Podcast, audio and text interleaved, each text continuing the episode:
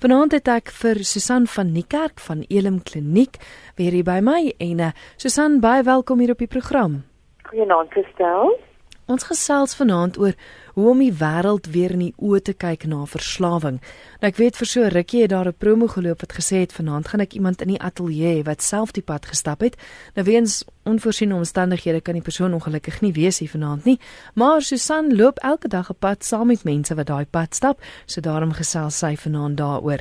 Susan, ja, hoe kyk ek die wêreld weer in die oë na verslawing? Dis seker 'n baie moeilike vraag om te beantwoord. Ja, ek dink dit is 'n vraag wat jy so uit uh, verskillende hoeke na kan kyk.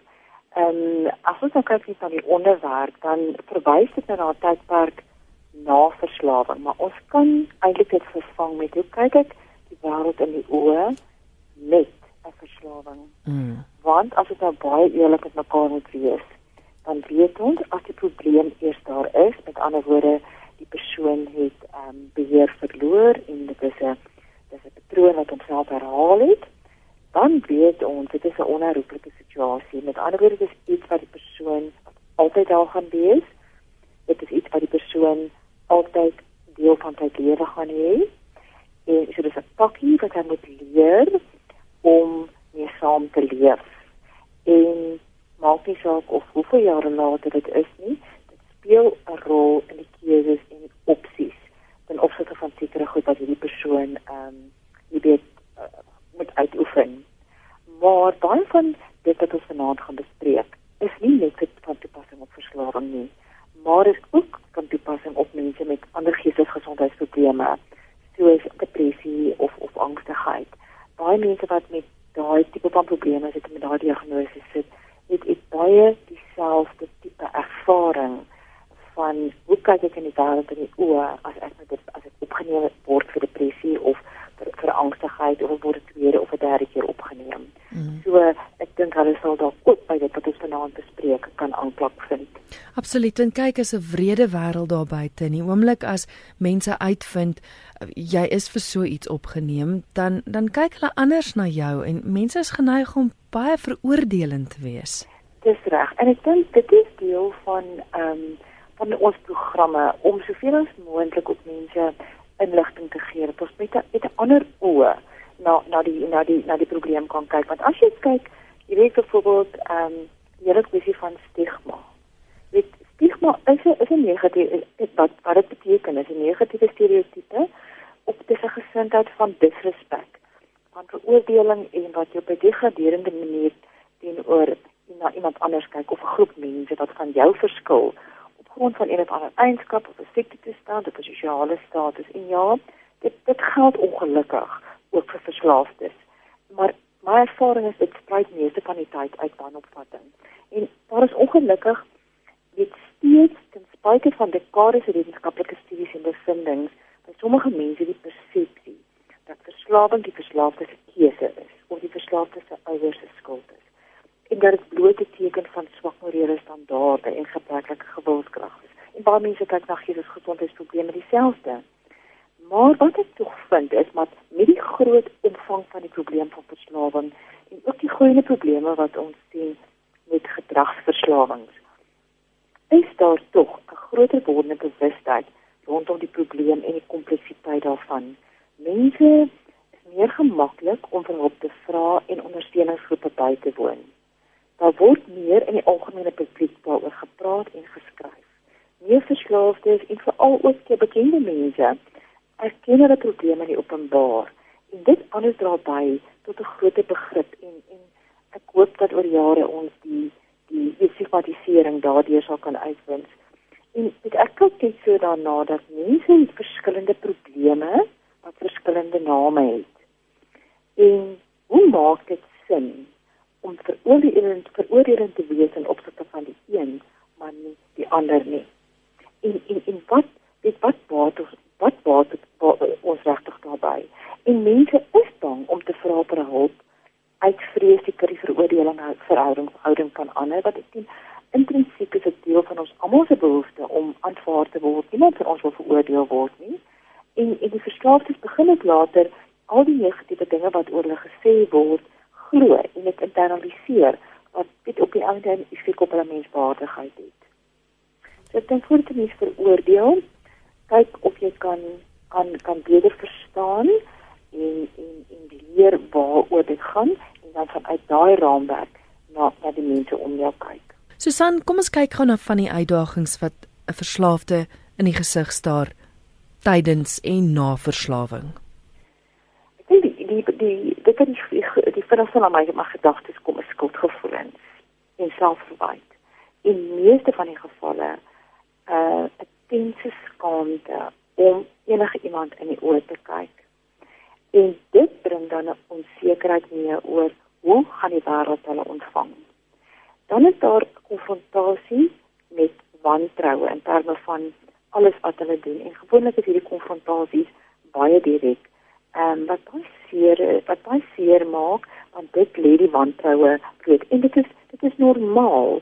Baie van jou verslaafdes het amper die verwagting dat na behandeling of intervensie mense hulle moet vertrou. Maar ongelukkig is vertroue iets wat jy ehm um, oor 'n tydperk ehm um, dit mense se vertroue op dit is iets waarvoor jy kan vra nie. En daar is so groot geskiedenis, lank geskiedenis van van leuns dat alles wat hulle wat hulle doen word bevraagteken. En mense sal kos op dinge uit hulle hande neem en namens hulle doen omdat hulle nie vertrou dat dit sal gedoen word nie. So dit is dit dit veroorsaak 'n groot uh, seer. Maar daar's al baie vrese. Daar's 'n vreeslike nigterheid. Hou in gedagte dat die CDC dis 'n persoon wat alkohol gebruik het of pille misbruik het of drank gebruik het. Dit was die persoon se kruk waarop hy staat gemaak het om lewenseise te hanteer. En so dis sy primêre, wie die Engelse term coping meganisme. Nou val dit weg. En dit skep 'n onsekerheid oor nigterheid. Sou ek dit kan bemeester? Hoe gaan ek aanpas by hierdie die die die die, die veranderde lewenstyl wat ek nou daar vir my gaan gaan gaan moet skep? So hy hy stap in die wêreld in en dit maar is als onbekend. Dit maak die persoon angstig. Daar's ander vrae, gaan dit moet werd wees? gaan my lewe nou vervelig wees en sonder opwinding wees. En dan is hiermee saam gaan die vrees vir op mislukking. Wat as ek dit nie reg kry nie? En dan dink ek al aan die persoon wat al terugvalle beleef het en weet wat die stryd is. Vir wie daar implikasies is, vir wie daar ehm um, jy weet laaste kanse gestel is of wie daar dreigemente is as dit weer gebeur dan gaan jy jou werk verloor of ek gaan jou verlaat. Ehm um, stel jou net daai persoon se daai persoon se skoene. Daar's ook diegene wat 'n vrees het vir sukses. Wanneer verslaafd is, so 'n liggende oortuiging dat hulle dit nie verdien om suksesvol te wees nie. En so die so die manier herstel aanpak om suksesvol te wees nie. Of hulle laat hulle net nie toe, hulle laat toe dat die vrese en die twyfel en wat van wat ander van hulle dink in hulle pad staan om te doen wat hulle moet wat hulle moet doen. Dan is daar die vrees vir verwerping vir party is dit groter as vir ander en veroordeling. Is bang dat hulle weggesit of veroordeel sal word.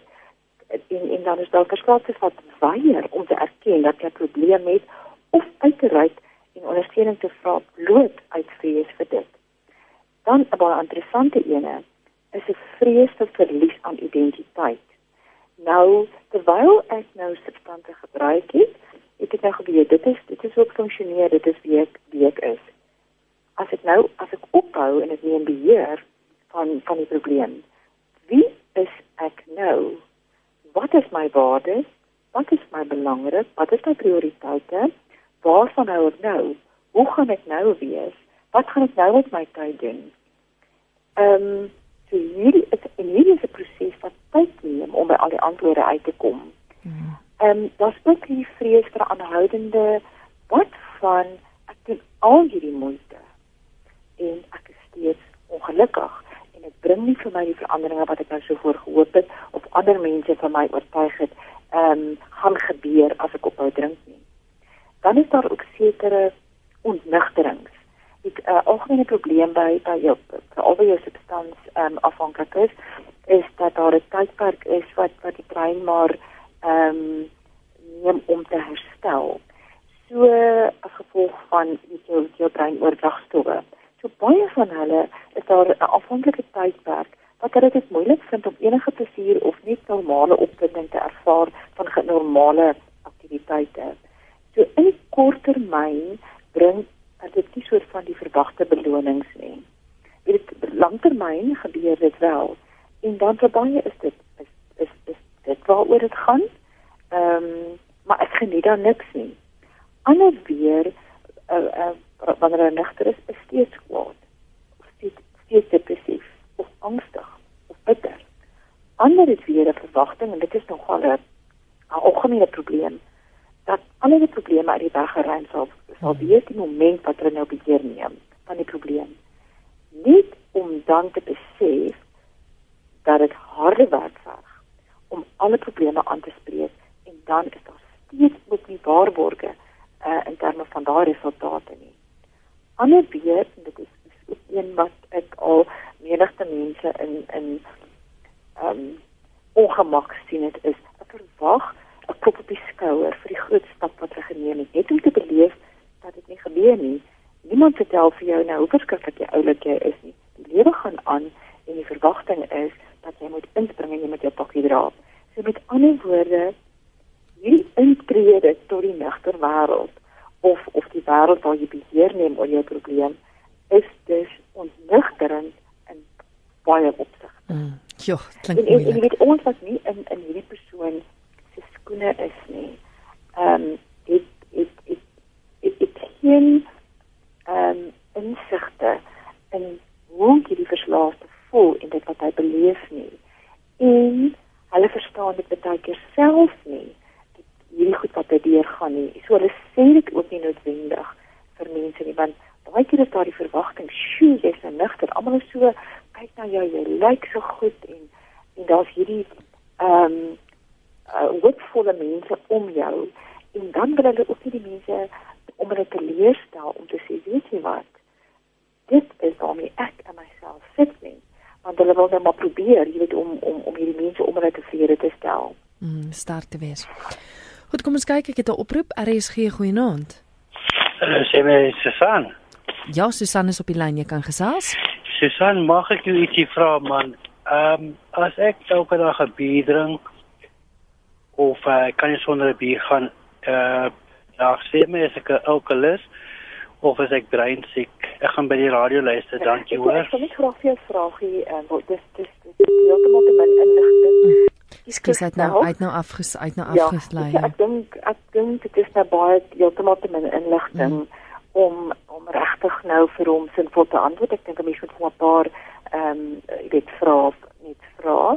Ehm um, daar is mense wat sosiaal kan drink en hoe ons die onderskeid tref is dat wanneer jy op so jou alkohol gebruik op uh op patroon van alkohol gebruik van so aard is dat dit vir jou negatiewe implikasies in jou lewe het. Dit met ander woorde, ehm um, jy ek amper jy raak abusive, jy is nie jouself nie, jy tree uit jou karakter op, jy raak ehm um, jy's onvoorspelbaar, jy's onverantwoordelik met ander woorde negatiewe gevolge as gevolg van jou alkohol uh, gebruik en dit begin 'n patroon vorm.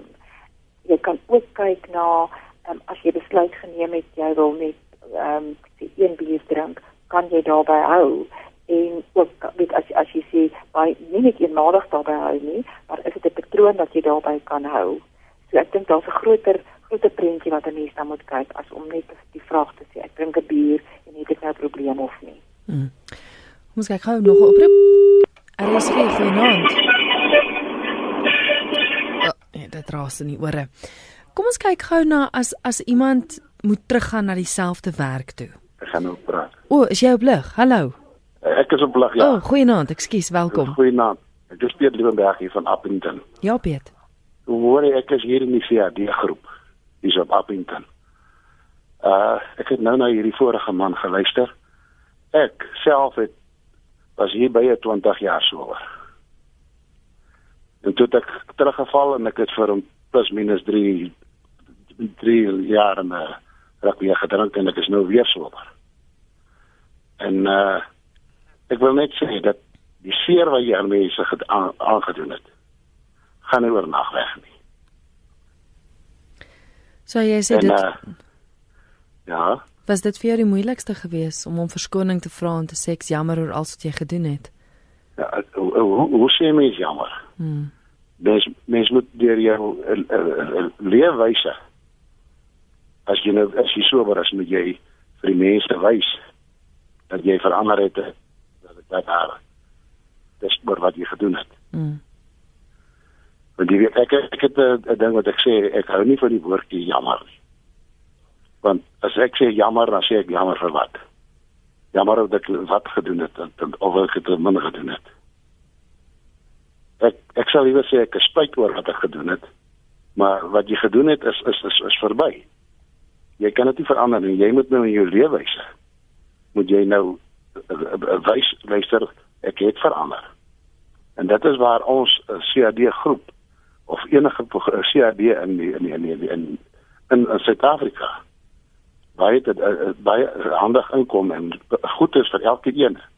Hy moet inskakel by 'n groep en daardeur sy lewe verryk.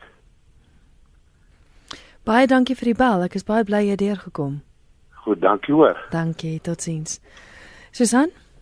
Ja, ek dink dit is baie waardevolle inligting wat hy uh, met ons deel.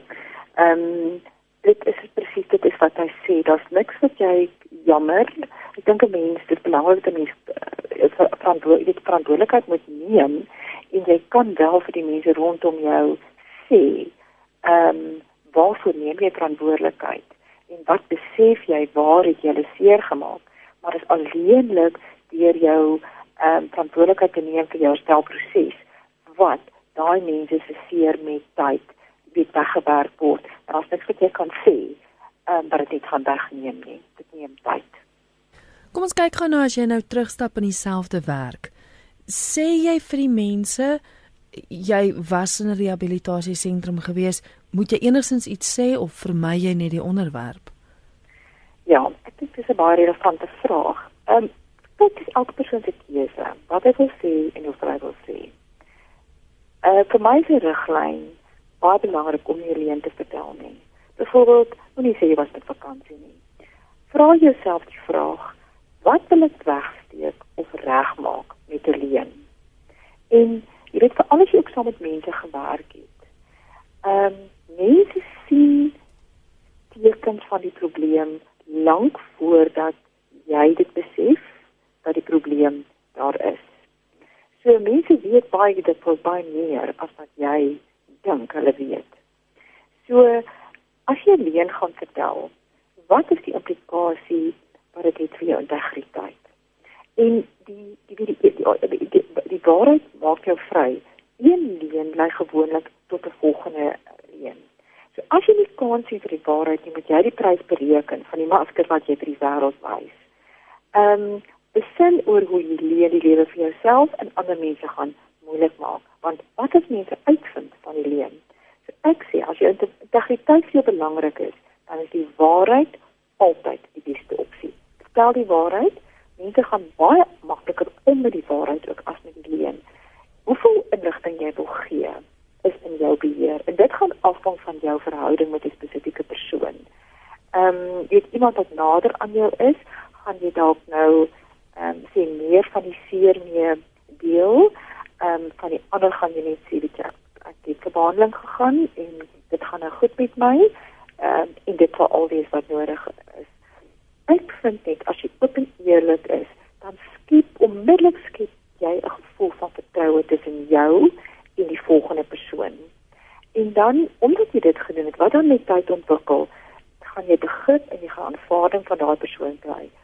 En dan op 'n latere stadium, dan sal jy vind dat jy 'n verwysingspunt word vir vir vir vir mense om jou.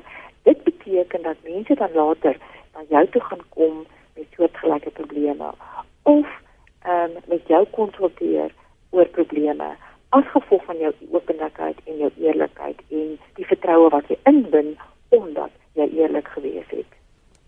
Susan, So, dit is dit is altyd die die die die die die beste opsie. Hmm. Jy hoef nie, jy hoef nie vir elke persoon wat jy teekom jou hele storie te vertel nie. Maar jy jy vertel nie alleen nie. Mm. -hmm. Geld dit ook vir sê nou maar jy het jou werk verloor as gevolg van die verslawing en jy moet aansoek doen vir 'n nuwe pos? Noem jy dit enigstens van die nuwe werkgewer? Ja, dit is ehm um, dit is dit is altyd 'n baie baie moeilike ehm um, vraag om te antwoord. Ehm um, wat meeste mense doen is is dat as die vraag as jy moet ehm, 'n um, dokument voltooi en 'n vraelys voltooi en die vraag word baie direk vir jou gevra, dan is dit absoluut belangrik dat jy dit so eerlik as moontlik vra want jy jy die, die, jy het die vraag gevra dan sal ek dan vertel jy glad nie alleen nie.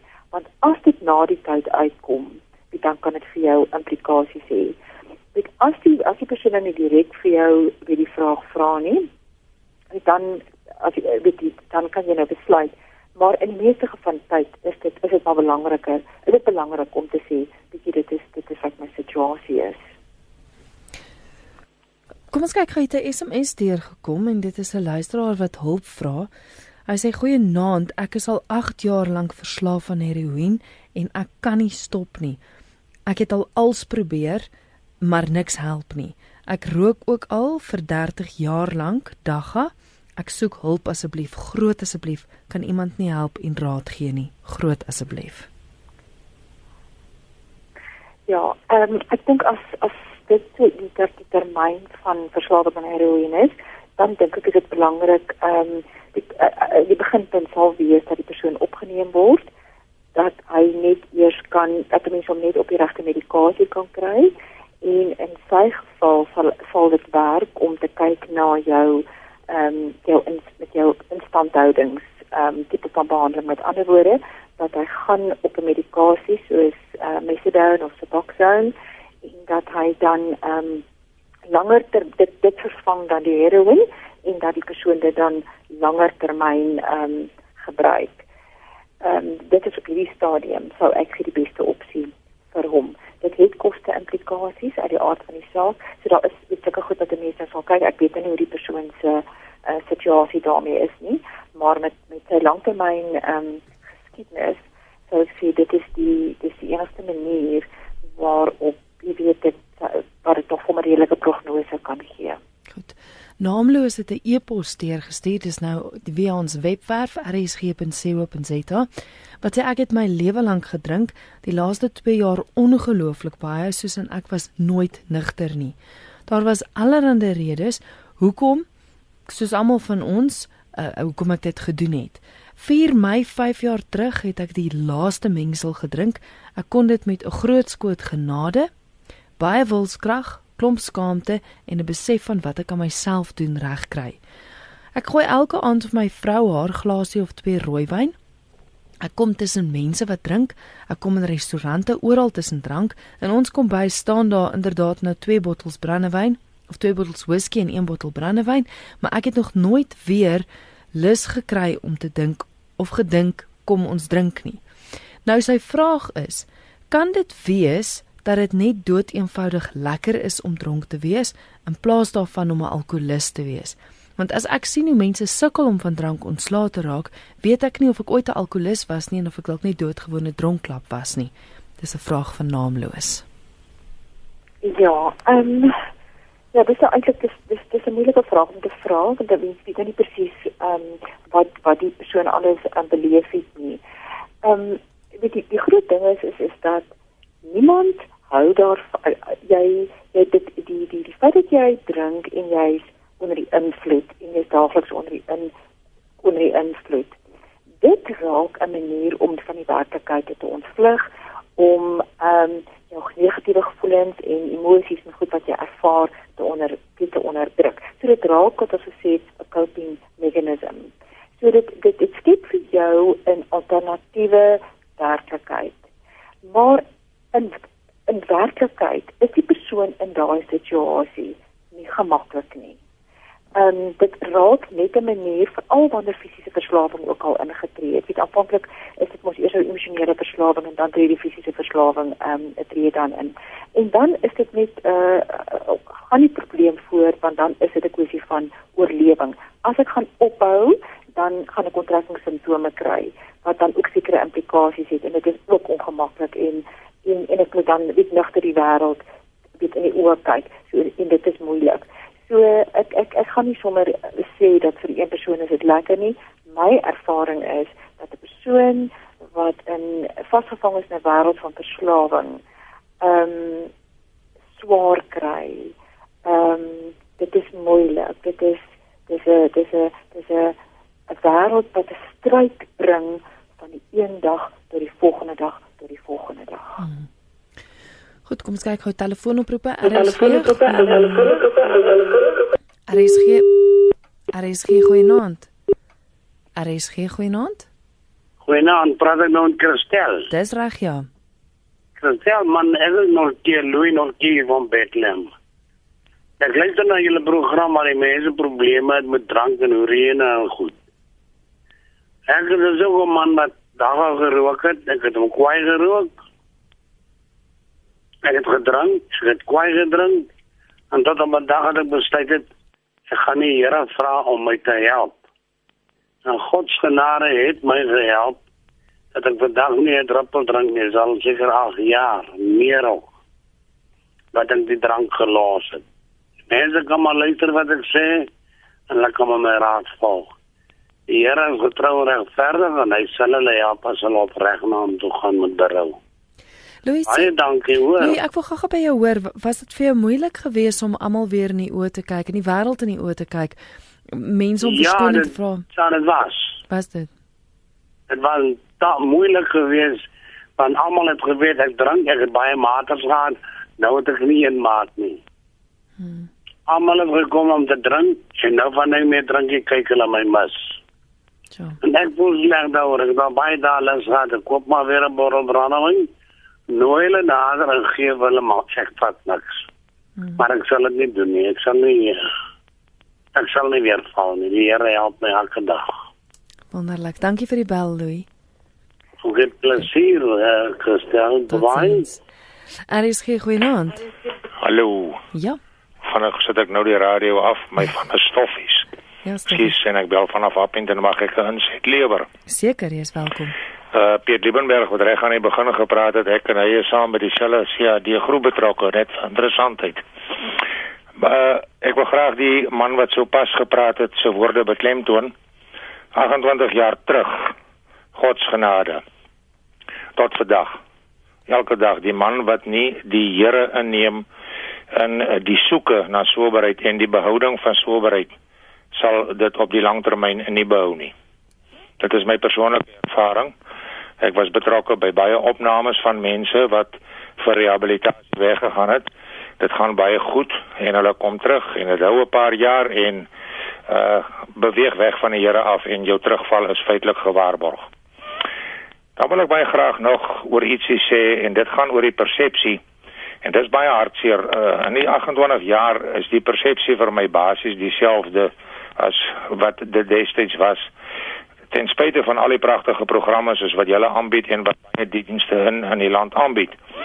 En ek is bekommerd daaroor sit met 'n soortgelyke situasie van iemand wat tans in 'n psigiatriese kliniek is vir 'n ineenstortings waar ons met vertroue te doen het met wantroue met emosionele seer uh, baie groot. Die persoon se een groot vraag is as ek terugkom my werkgewer. En ek is baie bly dat u dit uh, aangeraak het want die waarheid soos wat daar gesê is is die enigste oplossing. So ek wil dit graag baie graag beklemtoon want om dan openlik te wees uh, is die ideale antwoord dit is die enigste antwoord. Hmm. Weereens jammer dat daar 'n groep altyd is dit maak nie saak rehabilitasie sentrum psigiatriese kliniek wat ook al nie daar is maar altyd 'n paar wat jou uh, negatief aankyk. Uh, daar wil ek graag sê, leef saam met die wat saam met jou wil leef. Ja. En ondersteuning kry jy uit die mees onverwagse bron uit. Dit is wat ek graag met u wil deel. Want soos ons by die CAD groep mekaar se hande sterk maak, daar's altyd iemand by die kerk wat jou hande sterk maak. Daar is iewers 'n ou wat jy geken het wat uh ewe skielik toetree omdat hy want jou vertrou wanneer ander jou nie wil vertrou nie. Mm. Nie 'n kans wil gee nie. Mm. Baie dankie vir die bel. Ek waardeer dit ongelooflik baie. Ja, ons het 'n baie pragtige program van julle en ek wil dit net nog een keer sê daardie ou maat wat nou net gesê het dat uh, toe hy ophou drink toe raak sy maters weg. Hy's nie die enigste nie, hoor. Ons kom dit almal oor. Ja. Dis nou op 'n humoristiese noot, maar dit is 'n baie ware opmerking.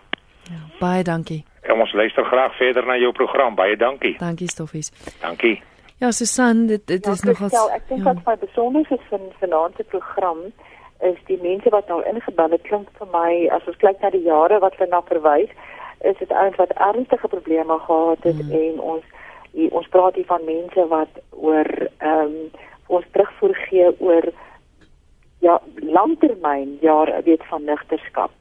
En ek hoop dit kan 'n getuienis wees vir mense wat vanaand ehm um, dit bevraagteken is dit moontlik ehm um, hoe gaan ek dit oor die langer termyn kom dink hierdie mense sê vanaand vir ons ehm um, dit is moontlik Dit is moontlik, is 'n moeilike pad. Jy verloor 'n jou vriende, pad, ja. maar dit is moontlik. Ja. Ja. Maar ek dink die gemeente die, die, die, die, die een van die gemeenskaplike goed wat jy wat jy hoor by elkeen wat nou ingebel het is dat daar was 'n daar was 'n besluit gewees 'n ontevredenheid met die probleem en dit wat dit meegebring het en dan was hulle ernstig rondom dit wat hulle wou wou hê en dat hulle nie langer met die probleem wou saamleef nie.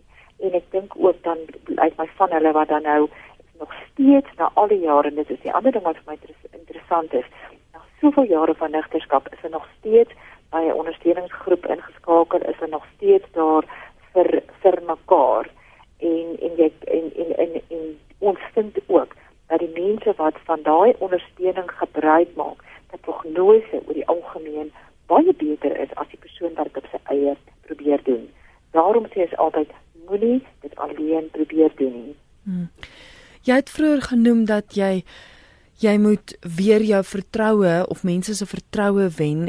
Van ons luisteraars het ook nou gesê, jy weet jy moet bewys dat dat jy kan weer vertrou word. Hoe hoe hoe bewys jy jouself weer in die wêreld? Hoe hoe doen jy dit? Ja, ek dink aanvanklik moet jy aanvaar dat mense naby jou kwaad is, dat hulle skepties is en dat hulle wantrouig is. Hoe meer jy daarteen gaan beklei, hoe moeiliker gaan jy dit maak vir jouself. Want daar is niks wat jy kan sê wat ons vroeër gesê het en doen wat die effek van die verlede in 'n moment kan uitwis nie. Jy bewys jouself deur te fokus op dit wat jy nodig het om te doen vir jou herstel. Met ander woorde jou jou fokus is nie ander mense nie. Jy kyk na wat het ek nodig om te doen uh, vir my herstel en werk aan jou werk aan herstel van jou verhoudings. Net met verslawings is daar altyd verhoudings wat in die slag bly. Mens verloor ander se vertroue en en en respek. So daar as daar 'n situasie is waar jy moet gaan bely en vergifnis vra, dan doen jy dit. As daar mense is wat jy moet vergewe, ehm um, dan doen jy dit. Soms vergewe mense jou of is daar vergifnis tussen mense, maar eindig die pad steeds nie uh, in 'n egskeiding of 'n verlating van mekaar, dan is dit nou en, en dit so versoening is nie moontlik nie. Dan is dit nodig dat jy deur daai verlies moet werk. Skep vir jou 'n gesonde lewenstyl wat hierdie herstelproses vir jou bevorder. Werk aan jou seer. Laat jouself toe om vaardighede aan te leer wat jou sal help om die lewenseise te hanteer. Um, en nou sê ek nou net gesê, moenie dit alleen doen nie. Kry vir jou ondersteuningssisteem. Daar is dinge wat jy vir jouself makliker kan maak, byvoorbeeld deur proaktief te wees, deur so ver moontlik voorspelbaar te wees in jou gedrag. Doen wat jy gesê het jy sal doen. Bly weg van om beloftes te maak om guns te wen en dat dit dan nie deur te voer nie. En ook om voortdurend verskonings te maak, probleme te ontken en alles te en almal te blameer vir die situasie waarin jy jouself bevind. Gaan beslis nie vir jou 'n gunstige situasie skep in jou verhouding tot ander nie. Wees geduldig. Die opbou van respek, vertroue en integriteit ontwikkel oor 'n lang termyn. Hmm. Leon het ook nou 'n uh, SMS ingestuur wat ek dink jy het hom nou geantwoord. Hy sê hy het al uh, vir 20 jaar lank dagga gerook. Hy's nou al 9 jaar lank skoon, maar familie sê een keer 'n dagga roker, altyd 'n dagga roker en hy wil weet hoe kan hy hulle bewys? Verkeerd bewys. Ek ek ek ek weet nie ehm um, weet hy moet hy moet besluit of dit vir hom die moeite werd is om sy energie te spandeer op op op so ingesteldheid van die familie. Ek weet nou nie of die of die familie hom daardeur wil sê dis iets wat jy maar vir altyd moet versigtig voor wees. Daar's risiko's. So kyk mooi na jouself en of dit verwykend is en dat hulle hom wil probeer sê, "Oei, ons wag enige oomblik dat hierdie gaan terugval nie." So jy weet as dit die as dit die negatiewe is, dan dan dan dink ek weet sou ek vir hom aanbeveel om om nie daarop te fokus nie. Um, om te kyk hoe hy daaroor voel, om te feit dat hy ligter is en dat hy in oorwinning leef, dat hy dat hy die waarde daarvan vir homself ehm um, ehm um, geniet op 'n daaglikse basis. Net 'n mens kan besluit hoeveel wil jy van die negativiteit wat ander mense vir jou gee? Hoeveel van dit wil jy deel van jou wêreld maak en jou energie daarop uitmors? Ehm um, in in in hoeveel van daarvan wil jy dit net eenvoudig los vir hulle en weet as hulle daarmee worstel, die die, die dit wat hy doen, die bewys lê in sy daaglikse doen en late. Hmm. Ek is so bly oor al die inbellers wat geskakel het, mense wat self die pad gestap het. Susan, as mense belangstel om verder met jou te gesels, kan hulle jou kontak? Dis reg, hulle kan ons bel um, by Elim Kliniek 011 975 2951 of hulle kan vir ons ehm um, net 'n e-pos stuur by info by elimklin.co.za. Baie dankie vir die gesels en 'n mooi aand verder. Baie dankie gestel. Dis Susan van die kerk met wie ek gesels het. Sy is daar van Elim Kliniek, kliniese bestuurder en ons het gesels oor hoe kyk ek die wêreld weer in die oë na verslawing. Baie dankie weer eens vir almal wat ingebel het en SMS'e wat deurgekom het. Net gou weer Elim Kliniek se kontakbesonderhede 011 975 2951 of jy kan 'n e-pos stuur aan info by elimklin dis c l i n.co.za is natuurlik 'n afkorting vir kliniek